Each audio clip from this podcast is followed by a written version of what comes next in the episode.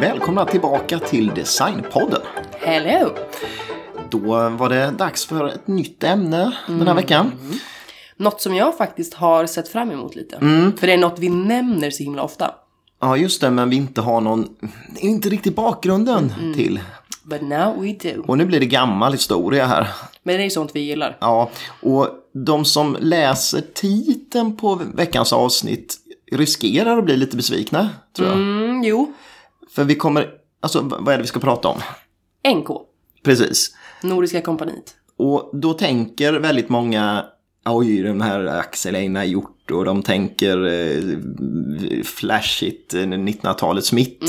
Men det ska vi inte prata om. Nej, då tar det ju ungefär slut, eh, liksom, våran historia. Vi ska prata om starten och Ja. eh, hur det kom igång och hur det blev ett varuhus. Och varför. Ja.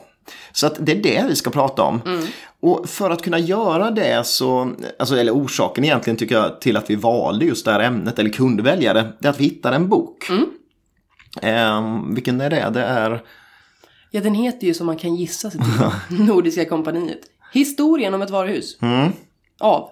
ja, det är Kurt Samuelsson, jag vet inte så mycket om honom, men Vet du någon? Ingenting, att han heter Kurt. Ja. Men den här boken, den är alltså utgiven på Albert Bonniers förlag redan 1952. Mm.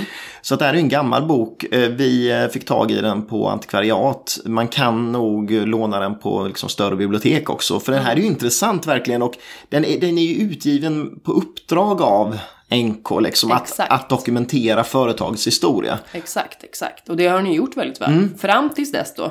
Ja, precis. Sen tar Jag du... tyckte att det blev ett abrupt slut på lite saker, men det var ju för att det inte hade hänt än. det tänkte jag inte på när jag läste. Jag bara. Nej, och det man kan komma ihåg idag är ju att NK inte finns kvar. Ehm, utan det finns ju ett företag som förvaltar namnet NK. Men, men Nordiska kompa- eller NK Nordiska kompaniet är ju ett köpcentrum idag med eh, många olika företag. Som, Inga egna liksom, tillverkningar Nej. alls.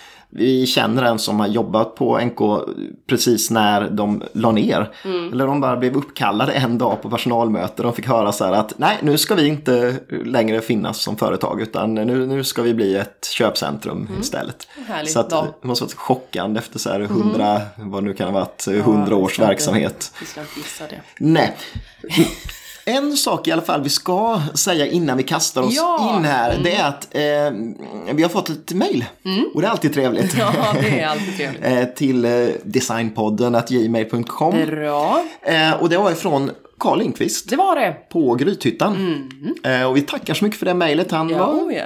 glad och trevlig där. Och informativ. eh, hade ett, eh, ett eh, sakfel som vi vill Ja. rätta till där. Skäms, skäms. jag. Ja, och det är att vi tycks ha påstått att... Du? eh, Jag tycks ha påstått att eh, det inte är eh, massivt fjäderstål i Grythyttans möbler idag. I främst då den här A2-stolen och eh, stol nummer ett. Men det är det alltid. Ja, det är det. Det är det som är att formen, det är inte det här plattstålet som det var förr, liksom, utan det är runt. Men, men det är fjäderstål och det är väl det som skiljer Grythyttan från de här billigare kopiorna. Ofta är det ju en aluminium eller någonting och då, de väger ingenting mer än det här är en robust Ja, de stol. Liksom. verkligen. Ja, så att det, det vill vi rätta till. Det vill vi. Har ni inte hört avsnittet om Grythyttan så tycker jag att man ska klicka sig in på det sen också för att, eh, ja, lite kul. Och kul tänka grejer. på det där lilla felet. Sorry, men jättekul med mail. Ja, Vi har ju också fått några mail slash meddelanden Mm. om att vi svär väldigt mycket. mm, just det. Och eh, det gör vi ju. Mm. Jag vet inte om det beror på att vi är ouppfostrade unga människor, men det försöker vi bättra. Ja. Men det är inte jättelätt, för det är inte något man väljer att göra. Det är Nej. bara... Vi har ju liksom inte fasta manus på det sättet. Liksom, vi har inte en text vi läser upp. Utan vi, vi, vi har ju förberett oss givetvis. Men, men då blir det också att man kör mycket som man är som, Som person. precis, ja. och tydligen så svär vi väldigt mycket. ja. Och det är vi ledsna för, men vi försöker bättra oss, men vi lovar inget. Nej, Nu börjar det vi. låter bra. Och då kastar vi oss in i avsnittet. Och vi som pratar heter Sanna och Andreas. Och ni lyssnar på Designpodden. Idén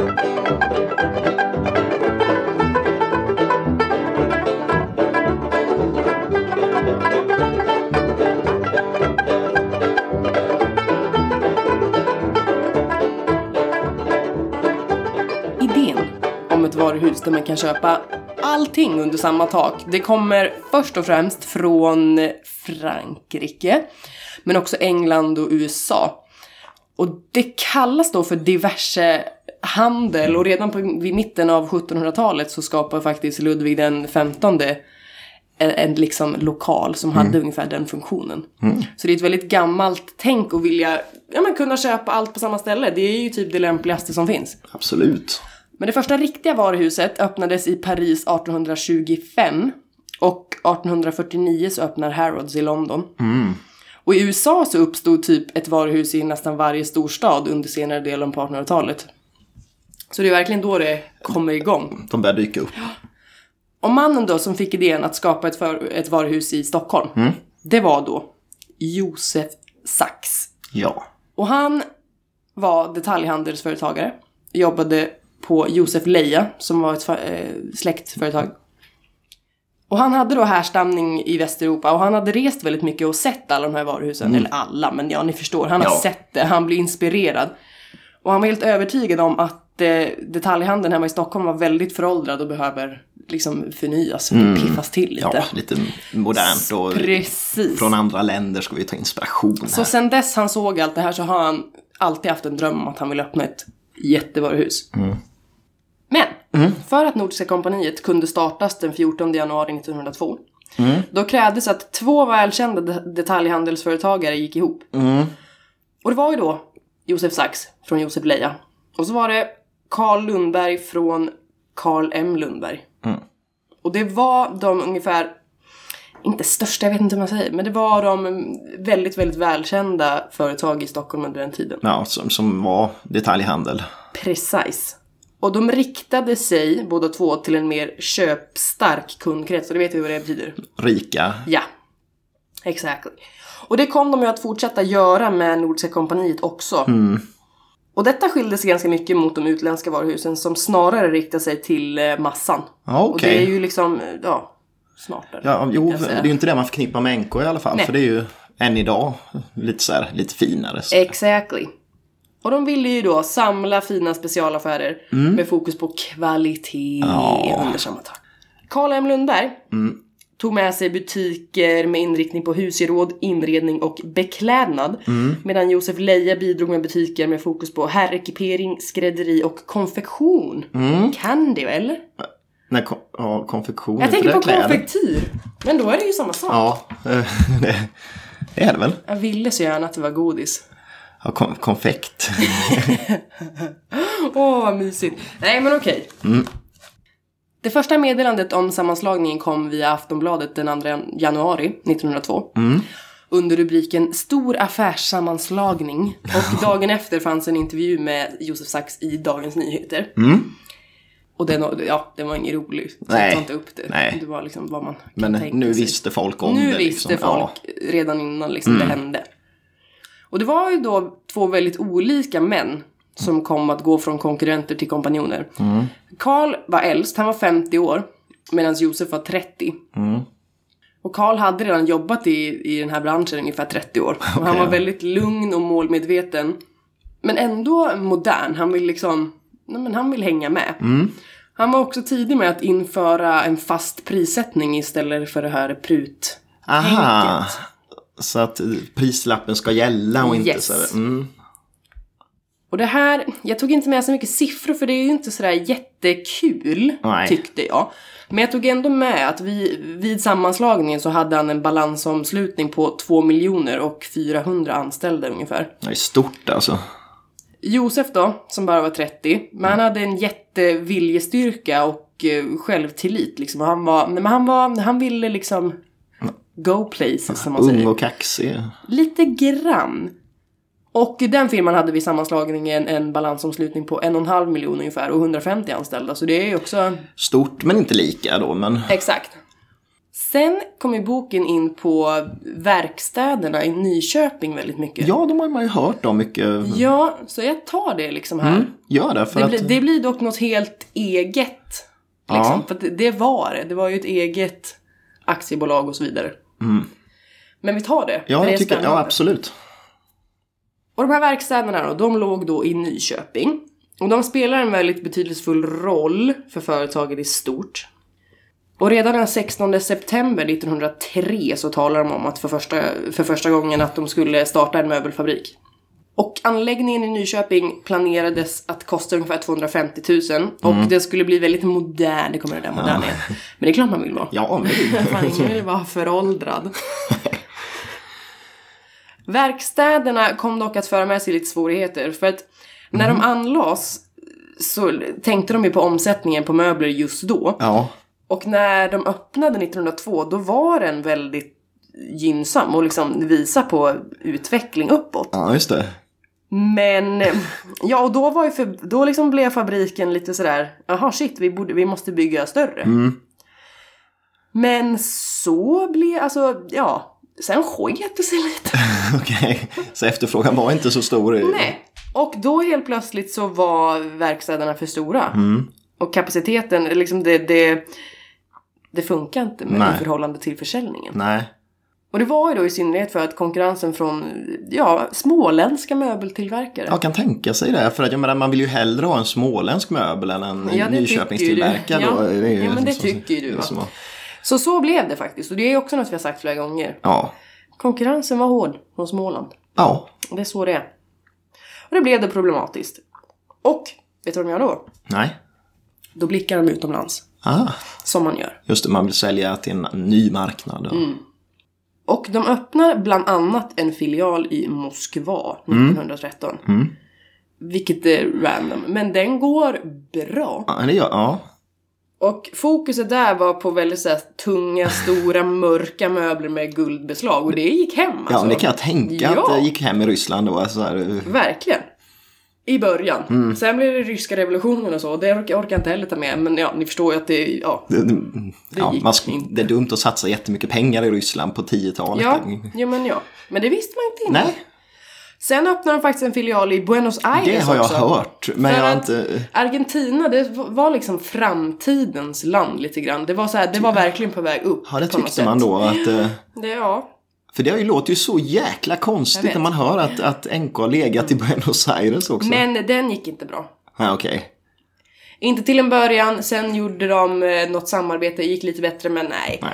Alltså båda de här blev ju förluster i det långa Mm. Kul, men det var nog inte bra för NK kanske ekonomiskt. Exakt vad jag ville komma fram till. Sen på 30-talet Mm. läste jag att de började tillverka bilar åt eh, Chrysler i USA. Vilket jag inte heller riktigt så kände att jag ville betona så mycket. Nej, men... Men det, det gjorde de. Nå- Tillverkade och sålde bilar. Amerikanska ett bilar? På 30-talet.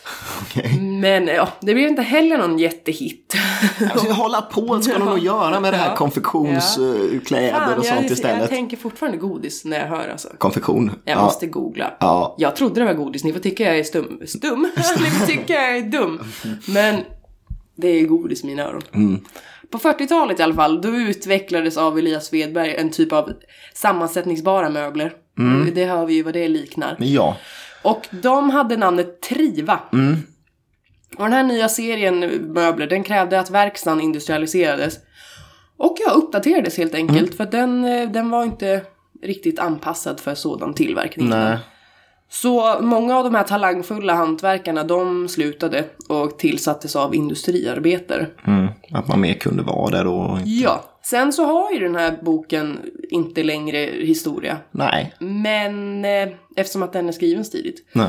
Men 73 så upphör tillverkningen där. Ja, exakt. Ehm, Och hur var det? Den finns inte ens kvar, fabriken va? Alltså Nej. rent fysiskt. Den var driven. Saab ett tag, men nu är den riven.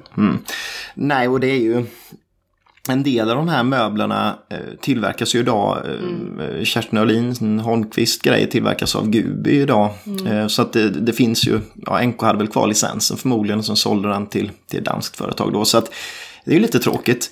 Eh, en parentes kan ju vara att när vi var nere på OH Sjögren eh, så sa ju Jakob Sjögren där att, att de hade faktiskt efter då att man la ner verkstaden i Nyköping så tillverkade de eh, Kerstin Öhlins grejer under en, en, en period där. Så att det, det är ju lite kul eh, anekdot där. Men åter till NK i Stockholm. 1911 så hände något avgörande. Och det var då att den här Carl Lundberg, han avgår från företaget.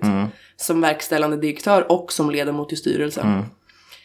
Och 1912 så beslutar de att ett varuhus ska byggas. Just det. Så um, det här är faktiskt roligt. Men enligt Josef så ska Karl ha sagt, nu citerar jag vad Josef har sagt. Ja. Jag är fullt ense med dig att det är en nödvändig åtgärd att bygga nytt, men jag är för gammal för den saken. Du är i dina bästa år och om du vill köpa mina aktier på villkor som vi, som vi kunna komma överens om så kan du genomföra din plan. Säger Josef att Karl har sagt. Ja. Men det var ju inte riktigt sant. Nej, okej. Nej. Alltså det var, det var lite, det var inte sådär liksom puttinuttigt och fint den här liksom skilsmässan. Nej. Den var inte ful heller. Men ja, så lätt gick det inte. Nej. Karl, alltså han var ju väldigt mycket äldre. Den här åldersskillnaden gjorde att de hade ganska svårt att samarbeta efter ett tag. Josef var 40 då och, och liksom fortfarande ung. Ja, men och, många och så här år kvar. Mm. Karl var 60 och försiktig och han liksom, han, nej, det var inte riktigt det var inte riktigt hans grej mer och tydligen också så hade han redan gjort ett stort bygge Okej. som då var Stureplanshuset. Ja. Och det är väl det där typ Spybar, är det Spybar? Det där fina ja, just det, just alltså. det. Det har han byggt. Mm, okej. Och han kände inte alls för att dra igång ett nytt bygge? Nej, exakt. Så att ja, det var, det var lite kamp. Okej, de ville åt olika riktningar och Ja. eh, så tyckte han att äh, då får han väl hålla på då. Precis. Men personligen så var deras förhållande alltid vänskapligt. Men de, de hade olika mål och ville olika. Och därför blev det slutet på samarbetet. Och Josef kunde helt enkelt, en, enkelt och enkelt, men han kunde äntligen bygga det här varuhuset. Som han då har velat så länge. Precis, så det ska jag komma in på lite. Precis.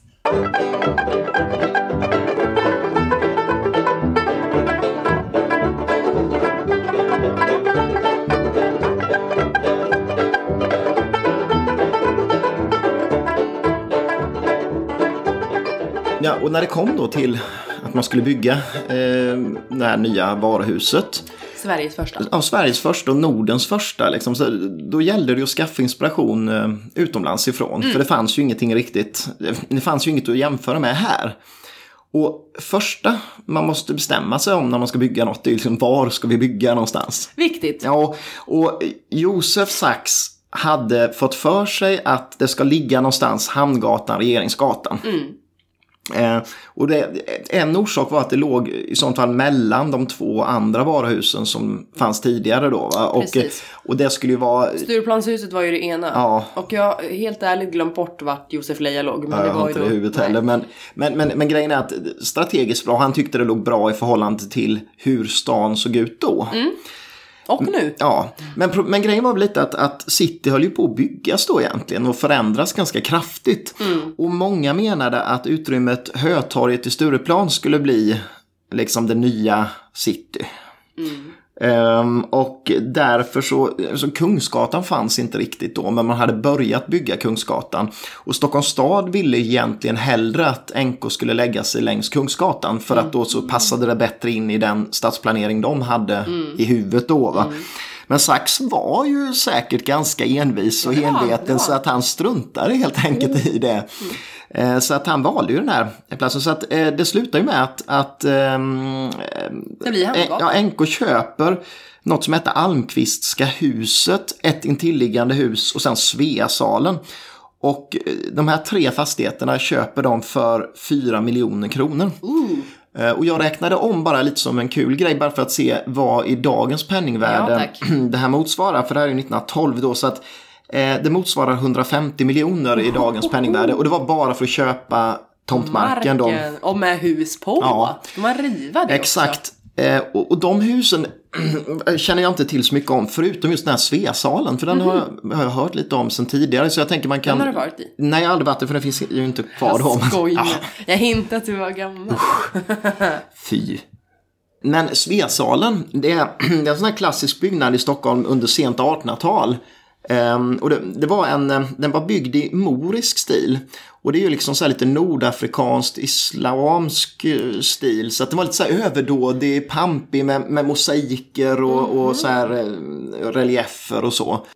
Men Sveasalen det var en varietélokal liksom, som man hade artistuppträdanden och ehm, liksom, mat och sprit helt enkelt. Eh, men grejen var väl lite att den invigdes 1888 och då var det ju väldigt populärt. Man hade inspirerats av Berns salonger och, eh, som också liksom har samma tema. Och då var det jättepopulärt med varietéer och, och den Sprit. typ- Ja, och sprit. Men sen går det ju åt skogen då, va? för att redan 1896 så införs någonting i Sverige som eh, i folkmun brukar kallas varietéförbudet. Och det innebär att det är ju inte förbjudet att ha en varieté, men man får inte servera sprit ihop med Och vem artistframträdanden. vill se det? Så föll väl det liksom. Så att där blev det väl lite knackigt för dem. Ehm, och, och lokalen brinner 1899 och byggs upp igen eh, så den är klar 1901.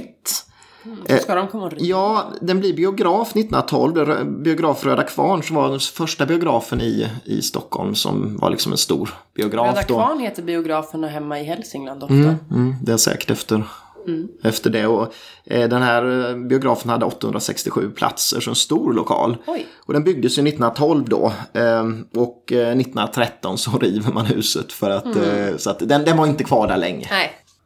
Bygget av varuhuset eh, det pågick eh, mellan 1913 och 1915. Och det, det ställde ju extrema ekonomiska krav på NK för att det var ju, så, det var ju naturligtvis jättedyrt att, att bygga. Eh, affärerna gick bra eh, på de, liksom, de två gamla varuhusen eller affärerna då om man ska kalla det mer. Eh, Så man kunde skjuta till 1,4 miljoner av eget kapital. Va? Men det var ju inte i närheten av vad man behövde. Så att då beslutar man på bolagsstämman 1912 att man ska göra en nyemission av aktier. Så man ska släppa fler aktier till ett värde av 3,5 miljon. Eh, Och ehm, då är NK inte längre ett familjeföretag formellt sett. För då kommer det in externa ägare. Men i praktiken däremot så blev det ännu mer ett familjeföretag eftersom eh, Carl Lundberg, han drog ju sig ur precis i den här vevan. Och de här små aktieägarna, för det var inga stora som gick in utan det var en massa små, för det var väldigt populärt med aktier under den perioden liksom. Och de hade ju inget inflytande. För de hade några ströaktier hit och dit. Så egentligen bestämde ju eh, Sachs helt själv. Fast fick pengar. Fast fick 3,5 miljoner där. Och så får man också ett lån på mellan 4 till 6 miljoner av enskilda banken. Så att det är en väldig massa pengar. Motsvarar ju säkert lätt en halv miljard i dagens penningvärde att bygga huset. Och just den här inspirationen till hur ska det se ut? Eh, för att man var ju tvungen, man vill ju Fancy. Ja, precis. Man vill ju ändå göra något beprövat, se vad andra har gjort. Och för att kunna göra det måste man kolla utomlands.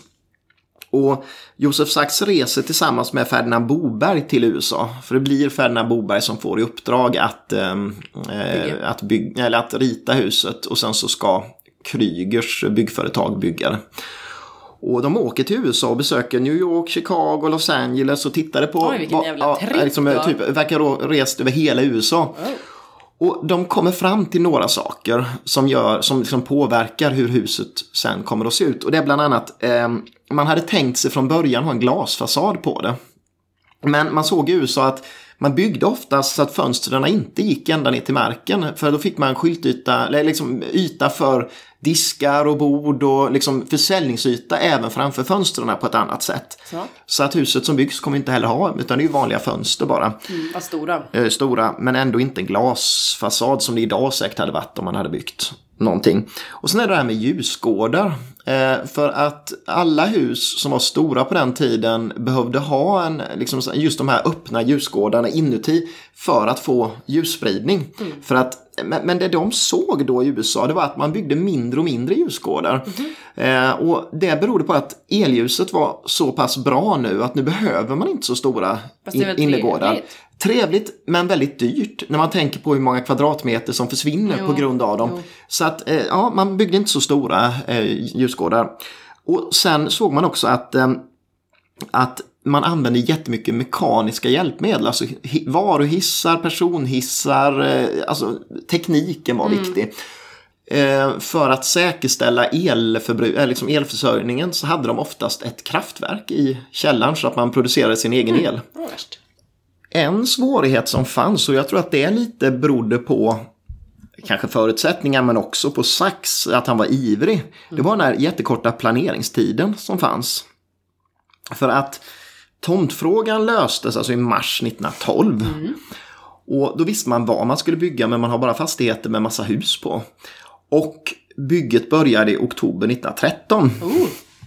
Och då ska huset resas, eller liksom, eh, husen rivas och de ska hinna åka till USA och kolla på ritningar och Ja, sånt där. Så att i praktiken blev det så alltså att man, man ritade parallellt med att man gjorde materialinköp och man eh, talade om för byggarna vad de skulle göra. Så att det, liksom, det var inte riktigt ett färdigt projekt när första spadtaget togs. Va? Och ehm, en annan sak som var problematisk var eh, byggloven. För att i och med att man inte hade ritningarna klara var det svårt i tid att söka bygglov. Såklart. Och man hade ju inte byggt något liknande innan. Och naturligtvis lite känsligt vad man bygger mitt inne i stan så. Så att eh, Josef Sachs fick utnyttja tydligen politiska kontakter han hade för att få igenom byggloven eh, utan ja. problem sådär. Och det finns vissa av de här problemen som är lite kul att nämna. Ja. För det var bland annat då kom man fram till att man behövde 29 hissar i huset. Och det fanns ingen i Sverige eller de närmsta länderna som kunde leverera 29 hissar. Så man fick ta in fyra olika firmor för att leverera hissar. Och det är också en sak som skapar problem. För att det är mycket lättare att ha en leverantör. Men nu måste Ja. man ha massa olika så här, och, och kontakter och hit och dit. Va? Sen upptäckte man att vattenflödet från Brunkebergsåsen var lite större än vad man hade tänkt. Så att eh, de nedersta fundamenten fick byggas av dykare som fick göra det under vattnet. Nej, så att det, det var väl inte riktigt eh, så här eh, kul Det låter ju livsfarligt. Ja. Och nå- totalt på den tiden också. Jag vet inte. Och sen när man, när man började bygga och, så och riva runt material då spreds det damm i alla de kringliggande kvarteren. Asbest. Mm, Ja, ty, det var ju inte bra det där. Och hälsovårdsnämnden blev inkopplad så man var tvungen nu att vattna allt material innan man började bygga med Så det det. inte damma. Och det var även svårt att transportera eh, sakerna Ja, i till bygget. Mm, man körde det med spårvagn till Norrmalmstorg och sen så fick man ta bilar därifrån och, och köra dem. Så Jag blir typ trött av att bara höra. ja, det är ett fruktansvärt projekt. Ah. Men till slut i november 1914 är taket klart. Och då är ju liksom själva huset eh, ganska uppe. Och invigningen sker sedan den 22 september 1915. Och det man har byggt då, eller det man har fått är en tomtyta på 4800 kvadratmeter. Eh, huset är 32 meter högt. Och liksom, för att visa något på, liksom, be- för att värma upp huset, då har man ett fläktsystem som pumpar in 220 000 kubikmeter varm luft i timmen. Det är svårt att tänka Ja, det är liksom så enormt mycket. Och en annan sak som blir abstrakt men när man jämför med något annat så blir det väldigt tydligt det är att den här elcentralen, för man bygger ingen generator, eller liksom en, en eget kraftverk. Man gör inte det? Nej. Nej. Orsaken till det var att man fick tydligen en väldigt bra deal På el? med något elbolag då, eller med det som fanns. Ehm, men de elcentralerna i källaren tog emot en effekt på 2330 hästkrafter. Och det säger ju ingenting. Nej. Men det är mer än vad hela Norrköping förbrukade. Så, att bara, ja, så bara det huset eh, motsvarar en stads förbrukning normalt sett. Sen gällde det inte bara huset egentligen i planeringen. Utan det fanns ju även det där faktumet, liksom, hur ska man placera olika avdelningar inne i varuhuset. Det är spännande. Eh, för det hade man ju också kikat på i USA där, hur har de gjort där? Som att de gör allt rätt. Ja, men man tänkte att det är beprövat, det är inarbetat där så då vet de vad Ja, de jo. Mm. håller på med. Och det var några saker man kom fram till och som man också gjorde när man byggde i, i Stockholm. Och det var att de här lite, eh, om man säger, eh, ly, ja, Du vill säga lyxiga? Ja, men ja, lyxiga, lite, de kallar det nödvändiga avdelningar, men jag tror de tänker de här lite, eh, ja men fashion-grejerna och det här. Inte nödvändigt. Nej, men de avdelningarna skulle placeras så att man måste place- eh, passera avdelningar med impulsvaror där man går dit. Så att man ska liksom gå förbi, man, är, man ska dit och köpa en kavaj. Men sen så går man förbi, ja, där är ju strumpor, ja men jag plockar på mig och där. Strumpor är en och, klassisk Ja, det är en klassiker. Ehm, för det insåg jag att det kommer de tjäna mycket på. Och det var en av de stora fördelarna med att ha just ett varuhus, att man fick de här de tänkte köpa något men kommer hem med en hel kasse med andra grejer. Som Liksom. jag. Ja, det är ju lätt hänt. Det är det. Eh, Sen var det givetvis också så att, att liknande, liksom sammanhängande sortiment skulle ligga bredvid varandra. Makes sense. Ja, för att det, annars eh, skapade bara att folk är irriterade. Så att man gav ett exempel, det var att damkläder och barnkläder skulle ligga på samma. Meh, varför kan inte gubbjäveln Det köpa gjorde de ju barnkläder? inte då säkert. Äh. Eh, men- sen var det en faktor också som man skulle ta hänsyn till som var utöver här och det var också vilken alltså, ja, hyra då de olika avdelningarna kunde bära. Det vill säga hur mycket drar vi in per kvadratmeter på de olika varorna.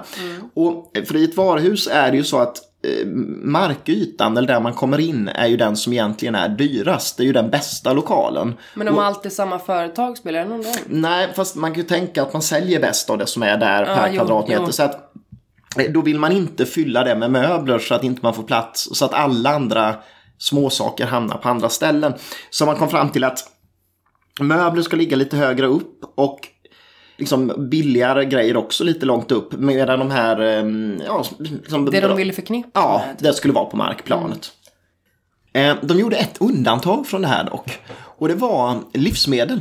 För det hade man ju också. Man hade inte bara så här där man tänker Nej, man NK idag. Utan, allt.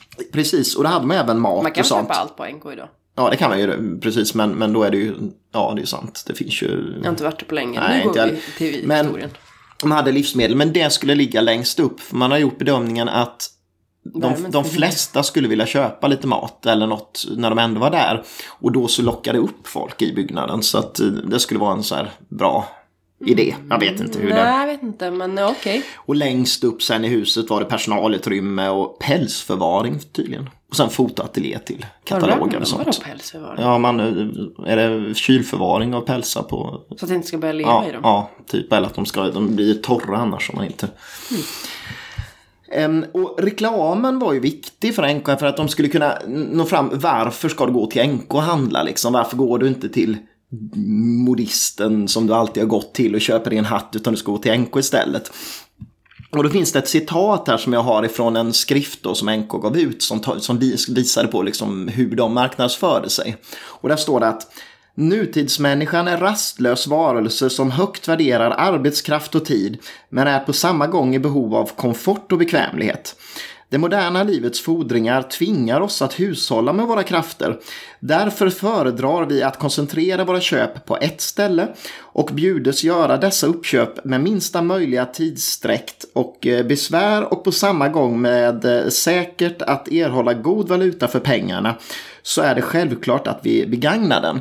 Jag menar alltså att Ja, om vi, vi, vi vill inte hålla på och krångla och springa runt på stan utan vi vill åka till ett ställe och handla där. Och så liksom. är det ju. Så är det ju också idag, men med är köpcentrum. Liksom. Men de var ju också med på väldigt mycket utställningar och så i reklamsyfte. Ja, precis. Kan vi ju säga bara. Ja, ja. Och, det, och, och de marknadsför, som du sa där, just att man vänder sig till en rik elit eh, från början. Sachs, han var ju en person med extremt driv och en extrem framtidstro. Men också en person med övertro på verkligheten.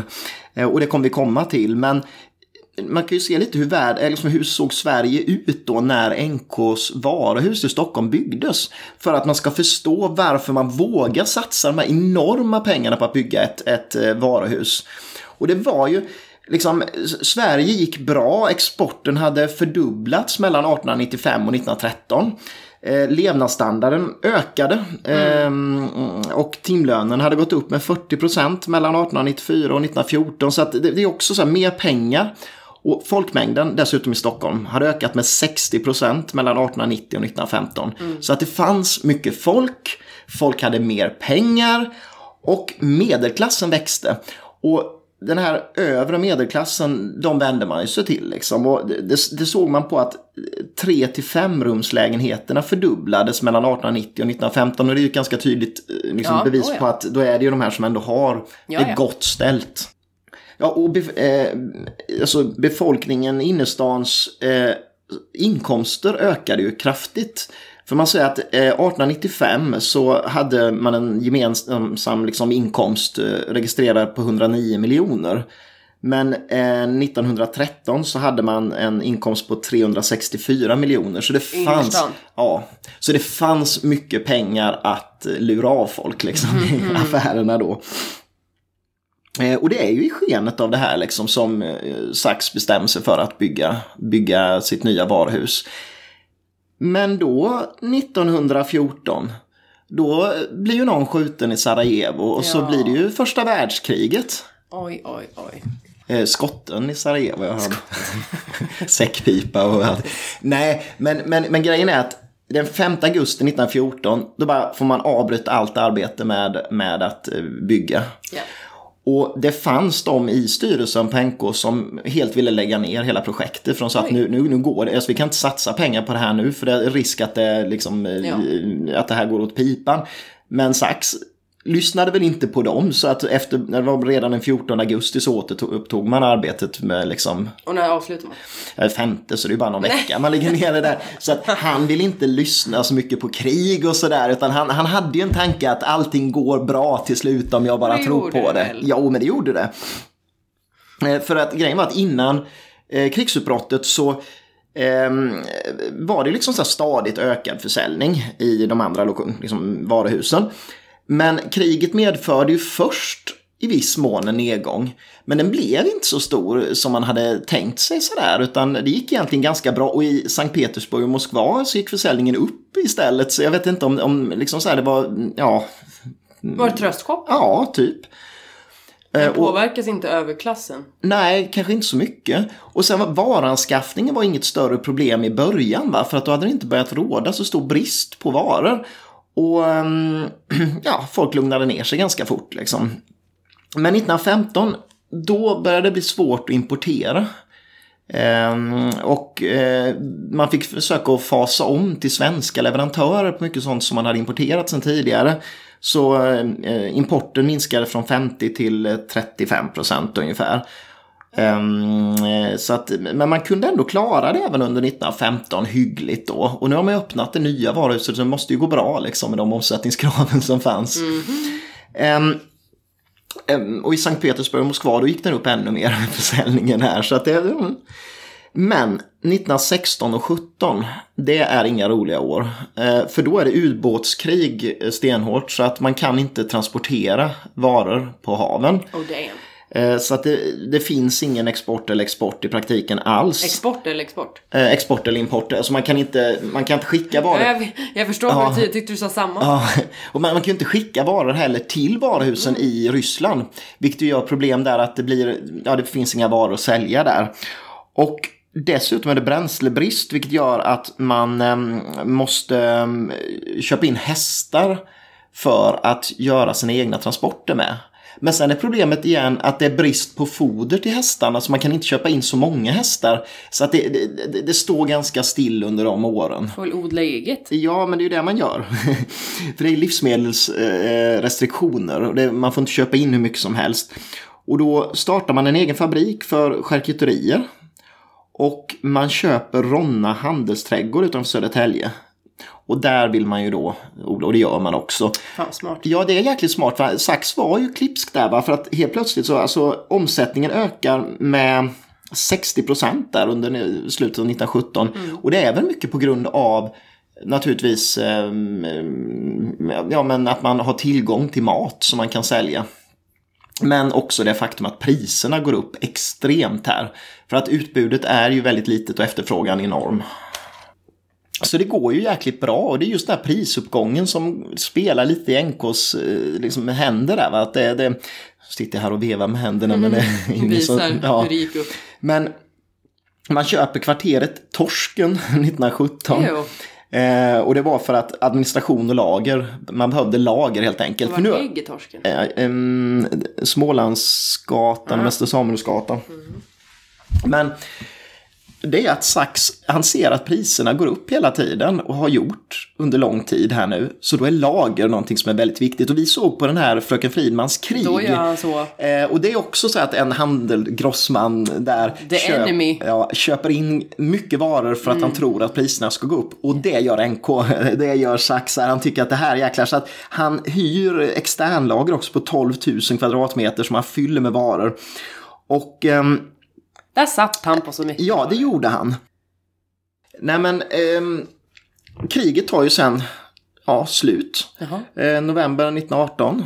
Och eh, då faktiskt så minskade försäljningen lite efter att kriget slutade och priserna gick ner. Och tydligen var det så att många var Liksom de ville ha riktiga, det de kallade förkrigsvaror. De ville inte ha de här substituten för att under kriget var det mycket så att sämre kaffe, sämre kläder, alltså det var inte riktiga mm. material i det. Och då trodde de att, att varuhusen skulle försöka prångla ut eh, de här krigsvarorna. Och det gjorde man ju också. Eh, så att NK hade lite svårt att sälja där. Men ehm, så att precis efter kriget så var det inte sådär jätte, jätteroligt. Um, och samtidigt, eh, utgifterna ökade ju markant också under den här perioden. Så NK behöver pengar för att man ligger lite risigt till och låst väldigt mycket i varor då, i varulager.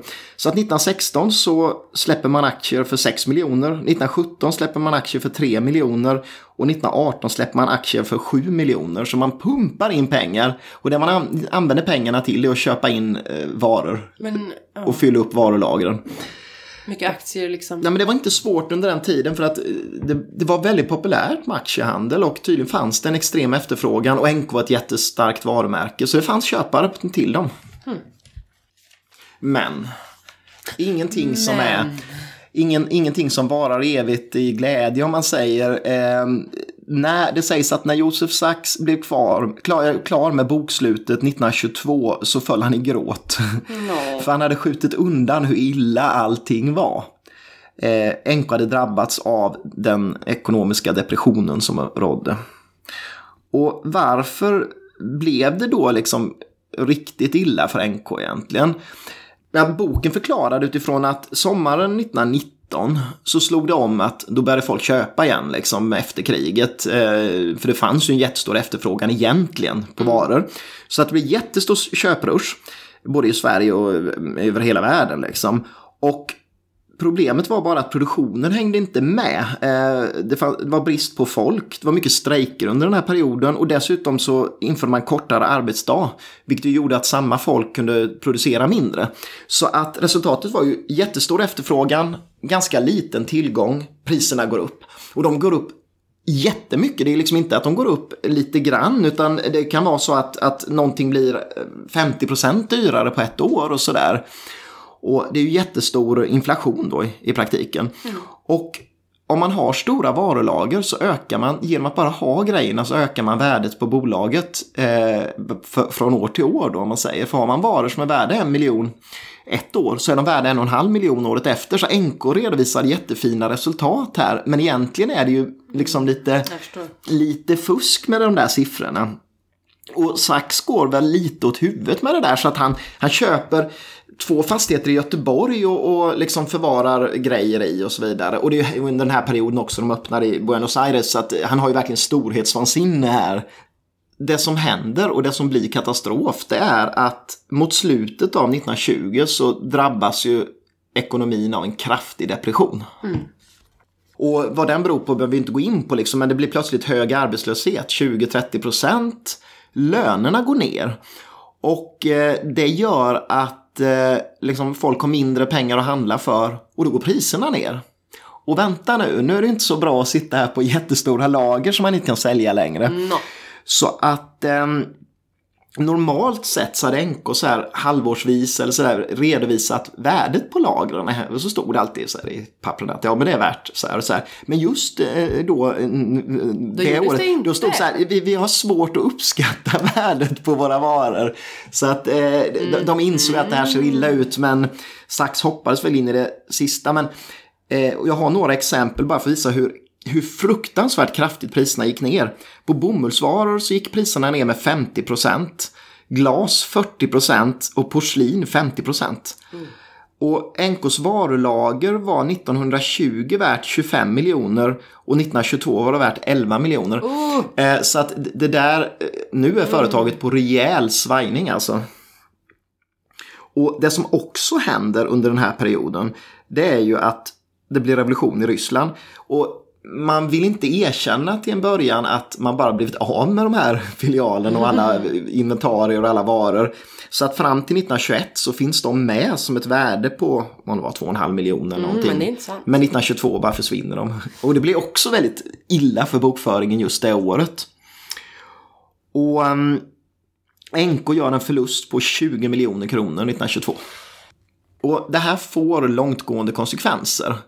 Och det man lär sig först det är att det går inte att vända sig till en överklasspublik bara. Utan man måste bredda. Och det gör man och eh, man, man, vill nå liksom de här Massan. massan. Och det man måste göra då det är att ta bort de lyxigaste miljöerna. Det får inte ha riktigt den här liksom eh, salongskänslan på det. Ja, men då vågar man inte ja. gå in liksom. Eh, Eh, så att vilorum försvinner och så vidare och man vill ha mer affärsyta istället. Och det är logiskt också rent ekonomiskt. Mm. Man eh, ökade avdelningarna för standardvaror och slopade rena lyxavdelningarna.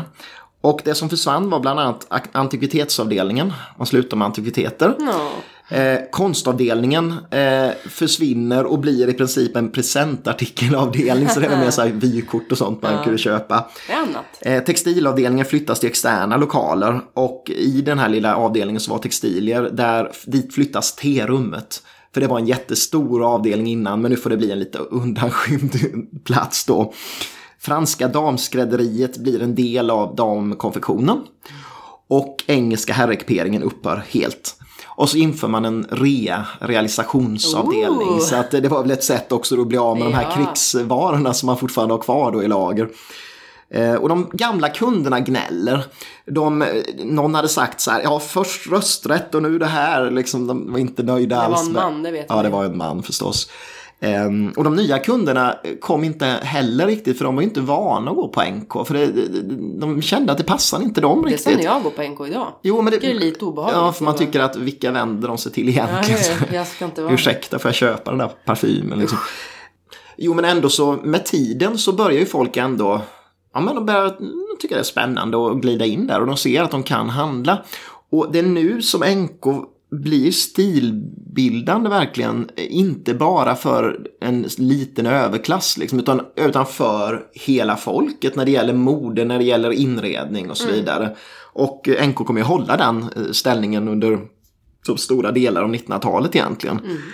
Mm. Um, men det, det, det, som får störst betydelse egentligen är att man 1922 anställer en reklamchef eh, som hette Tom Björklund. Och han var utbildad i USA med det här med marknadsföring.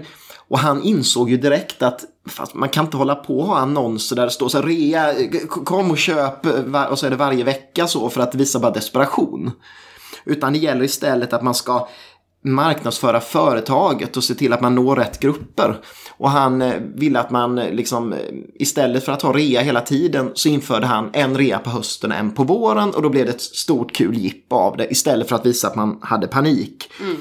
Och resultatet efter det här arbetet blev att, att liksom, trots att kvaliteten eller liksom, de här exklusiviteten hade sjunkit så tyckte då en ny köpargrupp, liksom av de här medelklassen, att de hade blivit fina nog att handla på NK så att man lyckades där dra in mer folk. Och fram till 1925 ungefär så ja, då återhämtar man sig. Det går riktigt mm, bra mm, sådär. Mm. Ja, nu är vi på banan igen. Och då skulle man ju kunna tycka att man har dragit lärdom av det här hybrisen som man har haft sedan tidigare. Det där att, inte det. Nej, Josef Sachs har inte dragit någon som helst lärdom utan då råder ju extrem högkonjunktur igen i Sverige. Och framtidstron är extremt stor. Och det han bland annat unnar sig det är att ha jättestora utdelningar till aktieägarna. Ah. Eh, och man bygger om varuhuset 1928. Eh, och man eh, tar bort, för man gjorde, efter den amerikanska modellen så gjorde man inte så stora ljusgårdar då, men man byggde två. Och idag finns det ju bara en sån här öppen yes. yta i. Men förr fanns det två, men man byggde igen den lilla för man skulle få mer golvyta. Och man bytte alla inventarier, alla montrar, allting. Och satsade jättemycket pengar.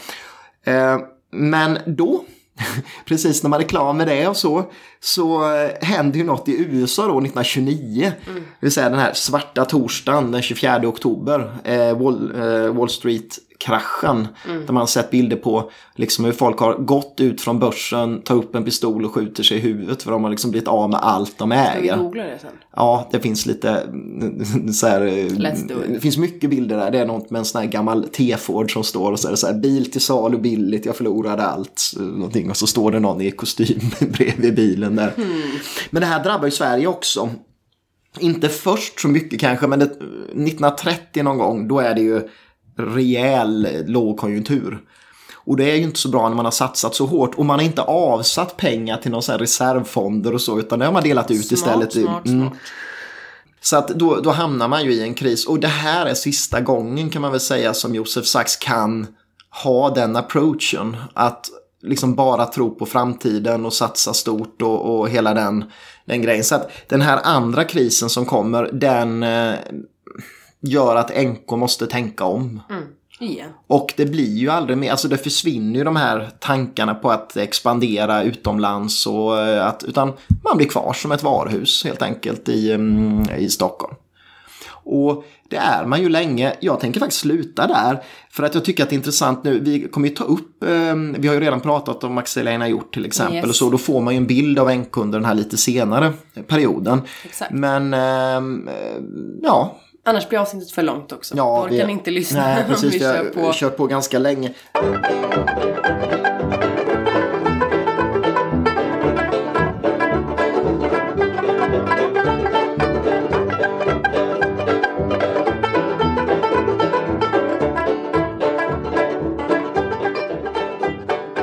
Men visst ville du köra några priser också? För vi brukar ju faktiskt göra det på allt. Ja, alltså klubbslag, det finns ju ingen liksom... Det är ju olika formgivare på alla, Mm. även om de är sålda på NK. Ja, Men det finns ju väldigt, väldigt, väldigt mycket och väldigt olika prisklasser, Ja. jag tyckte var spännande. Så jag tänkte ta det lite i, i liksom tidsordning. Aha, lite kronologiskt. Mm, mm, mm. Så skrivbord och stol från 10-talet i björk, Mm. ganska plain. Gick för 2,4. Ja, En ganska billigt för skrivbord det och det. stol. Ja. Sen två stycken stolar med rottingsits och uh, kinesiserande, eller vad sa Ja, man? precis. Rygg liksom, den är så här öppen. Mm. Från 1927. 500 kronor för, för två. Ingenting. Nej. Sen eh, nio stolar i ek från ungefär 20-talet någon gång i lite jugendstil. Mm. 850 kronor. För alla. För nio stolar. Hundring, nej inte ens det. Mindre Nej, än en hundring en styck. Ja. Sen är det ju då 30-40-tal och då är det ju mycket Axelina gjort Mm. och det är ju väldigt höga klubbslag. Mm, Men det har vi pratat om Ja, och vill vi- man höra om det så får man lyssna på det avsnittet. Ja. Sen soffbord, mahogny och valnöt 50-tal, 3 och 4. Då börjar det liksom, ja, då börjar Ja. det kosta lite Lite mer där. mer än innan. Mm. Lika en gunghäst från 50-talet. 3 och 4. Ja, men det, är, men det är också kanske en kul grej, en gunghäst så. Mm. Och sen blir det lite liksom, lite ner igen. Mm. För det var någon fåtölj med något fult tyg Mm. från 60-talet. Mm. Ungefär två och ett halvt. Mm. Och det är ju inte heller jättemycket. Nej, nej. Men sen. Mm. Hörlin Holmqvist. Mm. Kerstin. Henne har vi inte pratat om, Nej. men vi kommer kanske göra det i framtiden någon gång. Ja, Hoppas vi vill ju väldigt gärna. Och hon kostar mycket Mm. på auktion. Ja. Exempelvis soffan Paradis, 6600. Mm. Och en schäslong, Mm. eller kanapé som det stod va? Ja. Lustgården heter den. Mm. Och där måste jag ta utropet också för det var så spännande för det var stor skillnad. Ja. Men 20-25 000 utrop. Mm. Klubbslag 66 000. Mm. Den är himla populär den där och ovanlig. Ja, tråkigt skulle Ja. Nej, det ska inte vara så. Fåtölj Onkel Adam. Mm. 19 500. Ja, Och eh, Stora Eva med fotpall som också är fåtölj. just det. 36 000. Så Ja. att hon kostar ju också väldigt, Hennes väldigt grej mycket. kostar ju ganska Mm. mycket om skicket är gott. Precis va. Men så att sammanfattningen där blir att tidig NK, jättebilligt. J- Jättebilligt. eh, Fynda, fynda. 30-40-tal NK, dyrt. Dyrt. 50-60-tal, halvdyrt. Ja. Och Hörling Holmqvist är också 60-tal, Ja, men det är dyrt. det är dyrt. Så att det är väl lite sån sammanfattning. Det- jag kan säga är att vill man köpa kvalitetsmöbler billigt ska man köpa de här 20, Mm. 10-20-tals jättefina stilgrupper. Du får en hel matgrupp för kanske 1500 så här. Och det är ju, Ja, oh ja. det, det är ju stöld liksom. Ja, det det. Och där eh, vill vi avslutningsvis också tipsa om att NKs kundliggare faktiskt finns tillgänglig på internet. Så att om man, om man googlar på NK och kundliggare så eh, kommer man in där. Ja, det låter... Men, men då, då, för att alla NK-möbler har ju eh, nummer. nummer på metallbricka eller märkning på något annat sätt. Och då kan man söka på det numret och eh, se när de har tillverkats. Vem? Eh, inte vem tyvärr. Inte det, säll- vem? det är sällan det står en formgivare. Men däremot står det modellnamnet och eh, ibland också vem den är tillverkad Men till. om man har modellnamn det kan man väl skriva vem. Ja, det är lite konstigt, men jag vet inte om de tänkte också sådär att det är den som var konstnärlig ledare som skulle stå Ja, för allting. Ja, så man gick inte ut med Nej, riktigt. så eh, var det säkert. Det har du skulle tro det. Yes, men då har vi en sammanfattning av NKs riktigt Tidiga historia. Och... ehm, Hoppas det var intressant. Ja, det tyckte vi. ja, vi tyckte det var jäkligt intressant för det är ju sånt vi inte har alls haft koll på och som ligger, visst det ligger lite utanför vårt område med design kanske på ett sätt men det här han, handlar ju ändå om ett viktigt företag. Ja, liksom. oh ja, oh. Och ehm, ja, vi tackar så jättemycket för att ni har lyssnat. Det gör vi. Eh, som vanligt så eh, går det jättebra att kontakta oss om man vill någonting. Eh, och då kan man ju till exempel mejla. Yes till designpodden gmail.com. Enkelt är också att gå in på Instagram. Följ oss där, vi heter Designpodden. Och så kan man skicka meddelanden på Instagram Kan och vi lite göra? glada tillrop om man Yay! vill och så. Och det går att följa oss på Facebook också även om vi inte gillar Facebook. Yes. Så att ha det så bra så länge så hoppas vi ni lyssnar nästa vecka igen. Hej.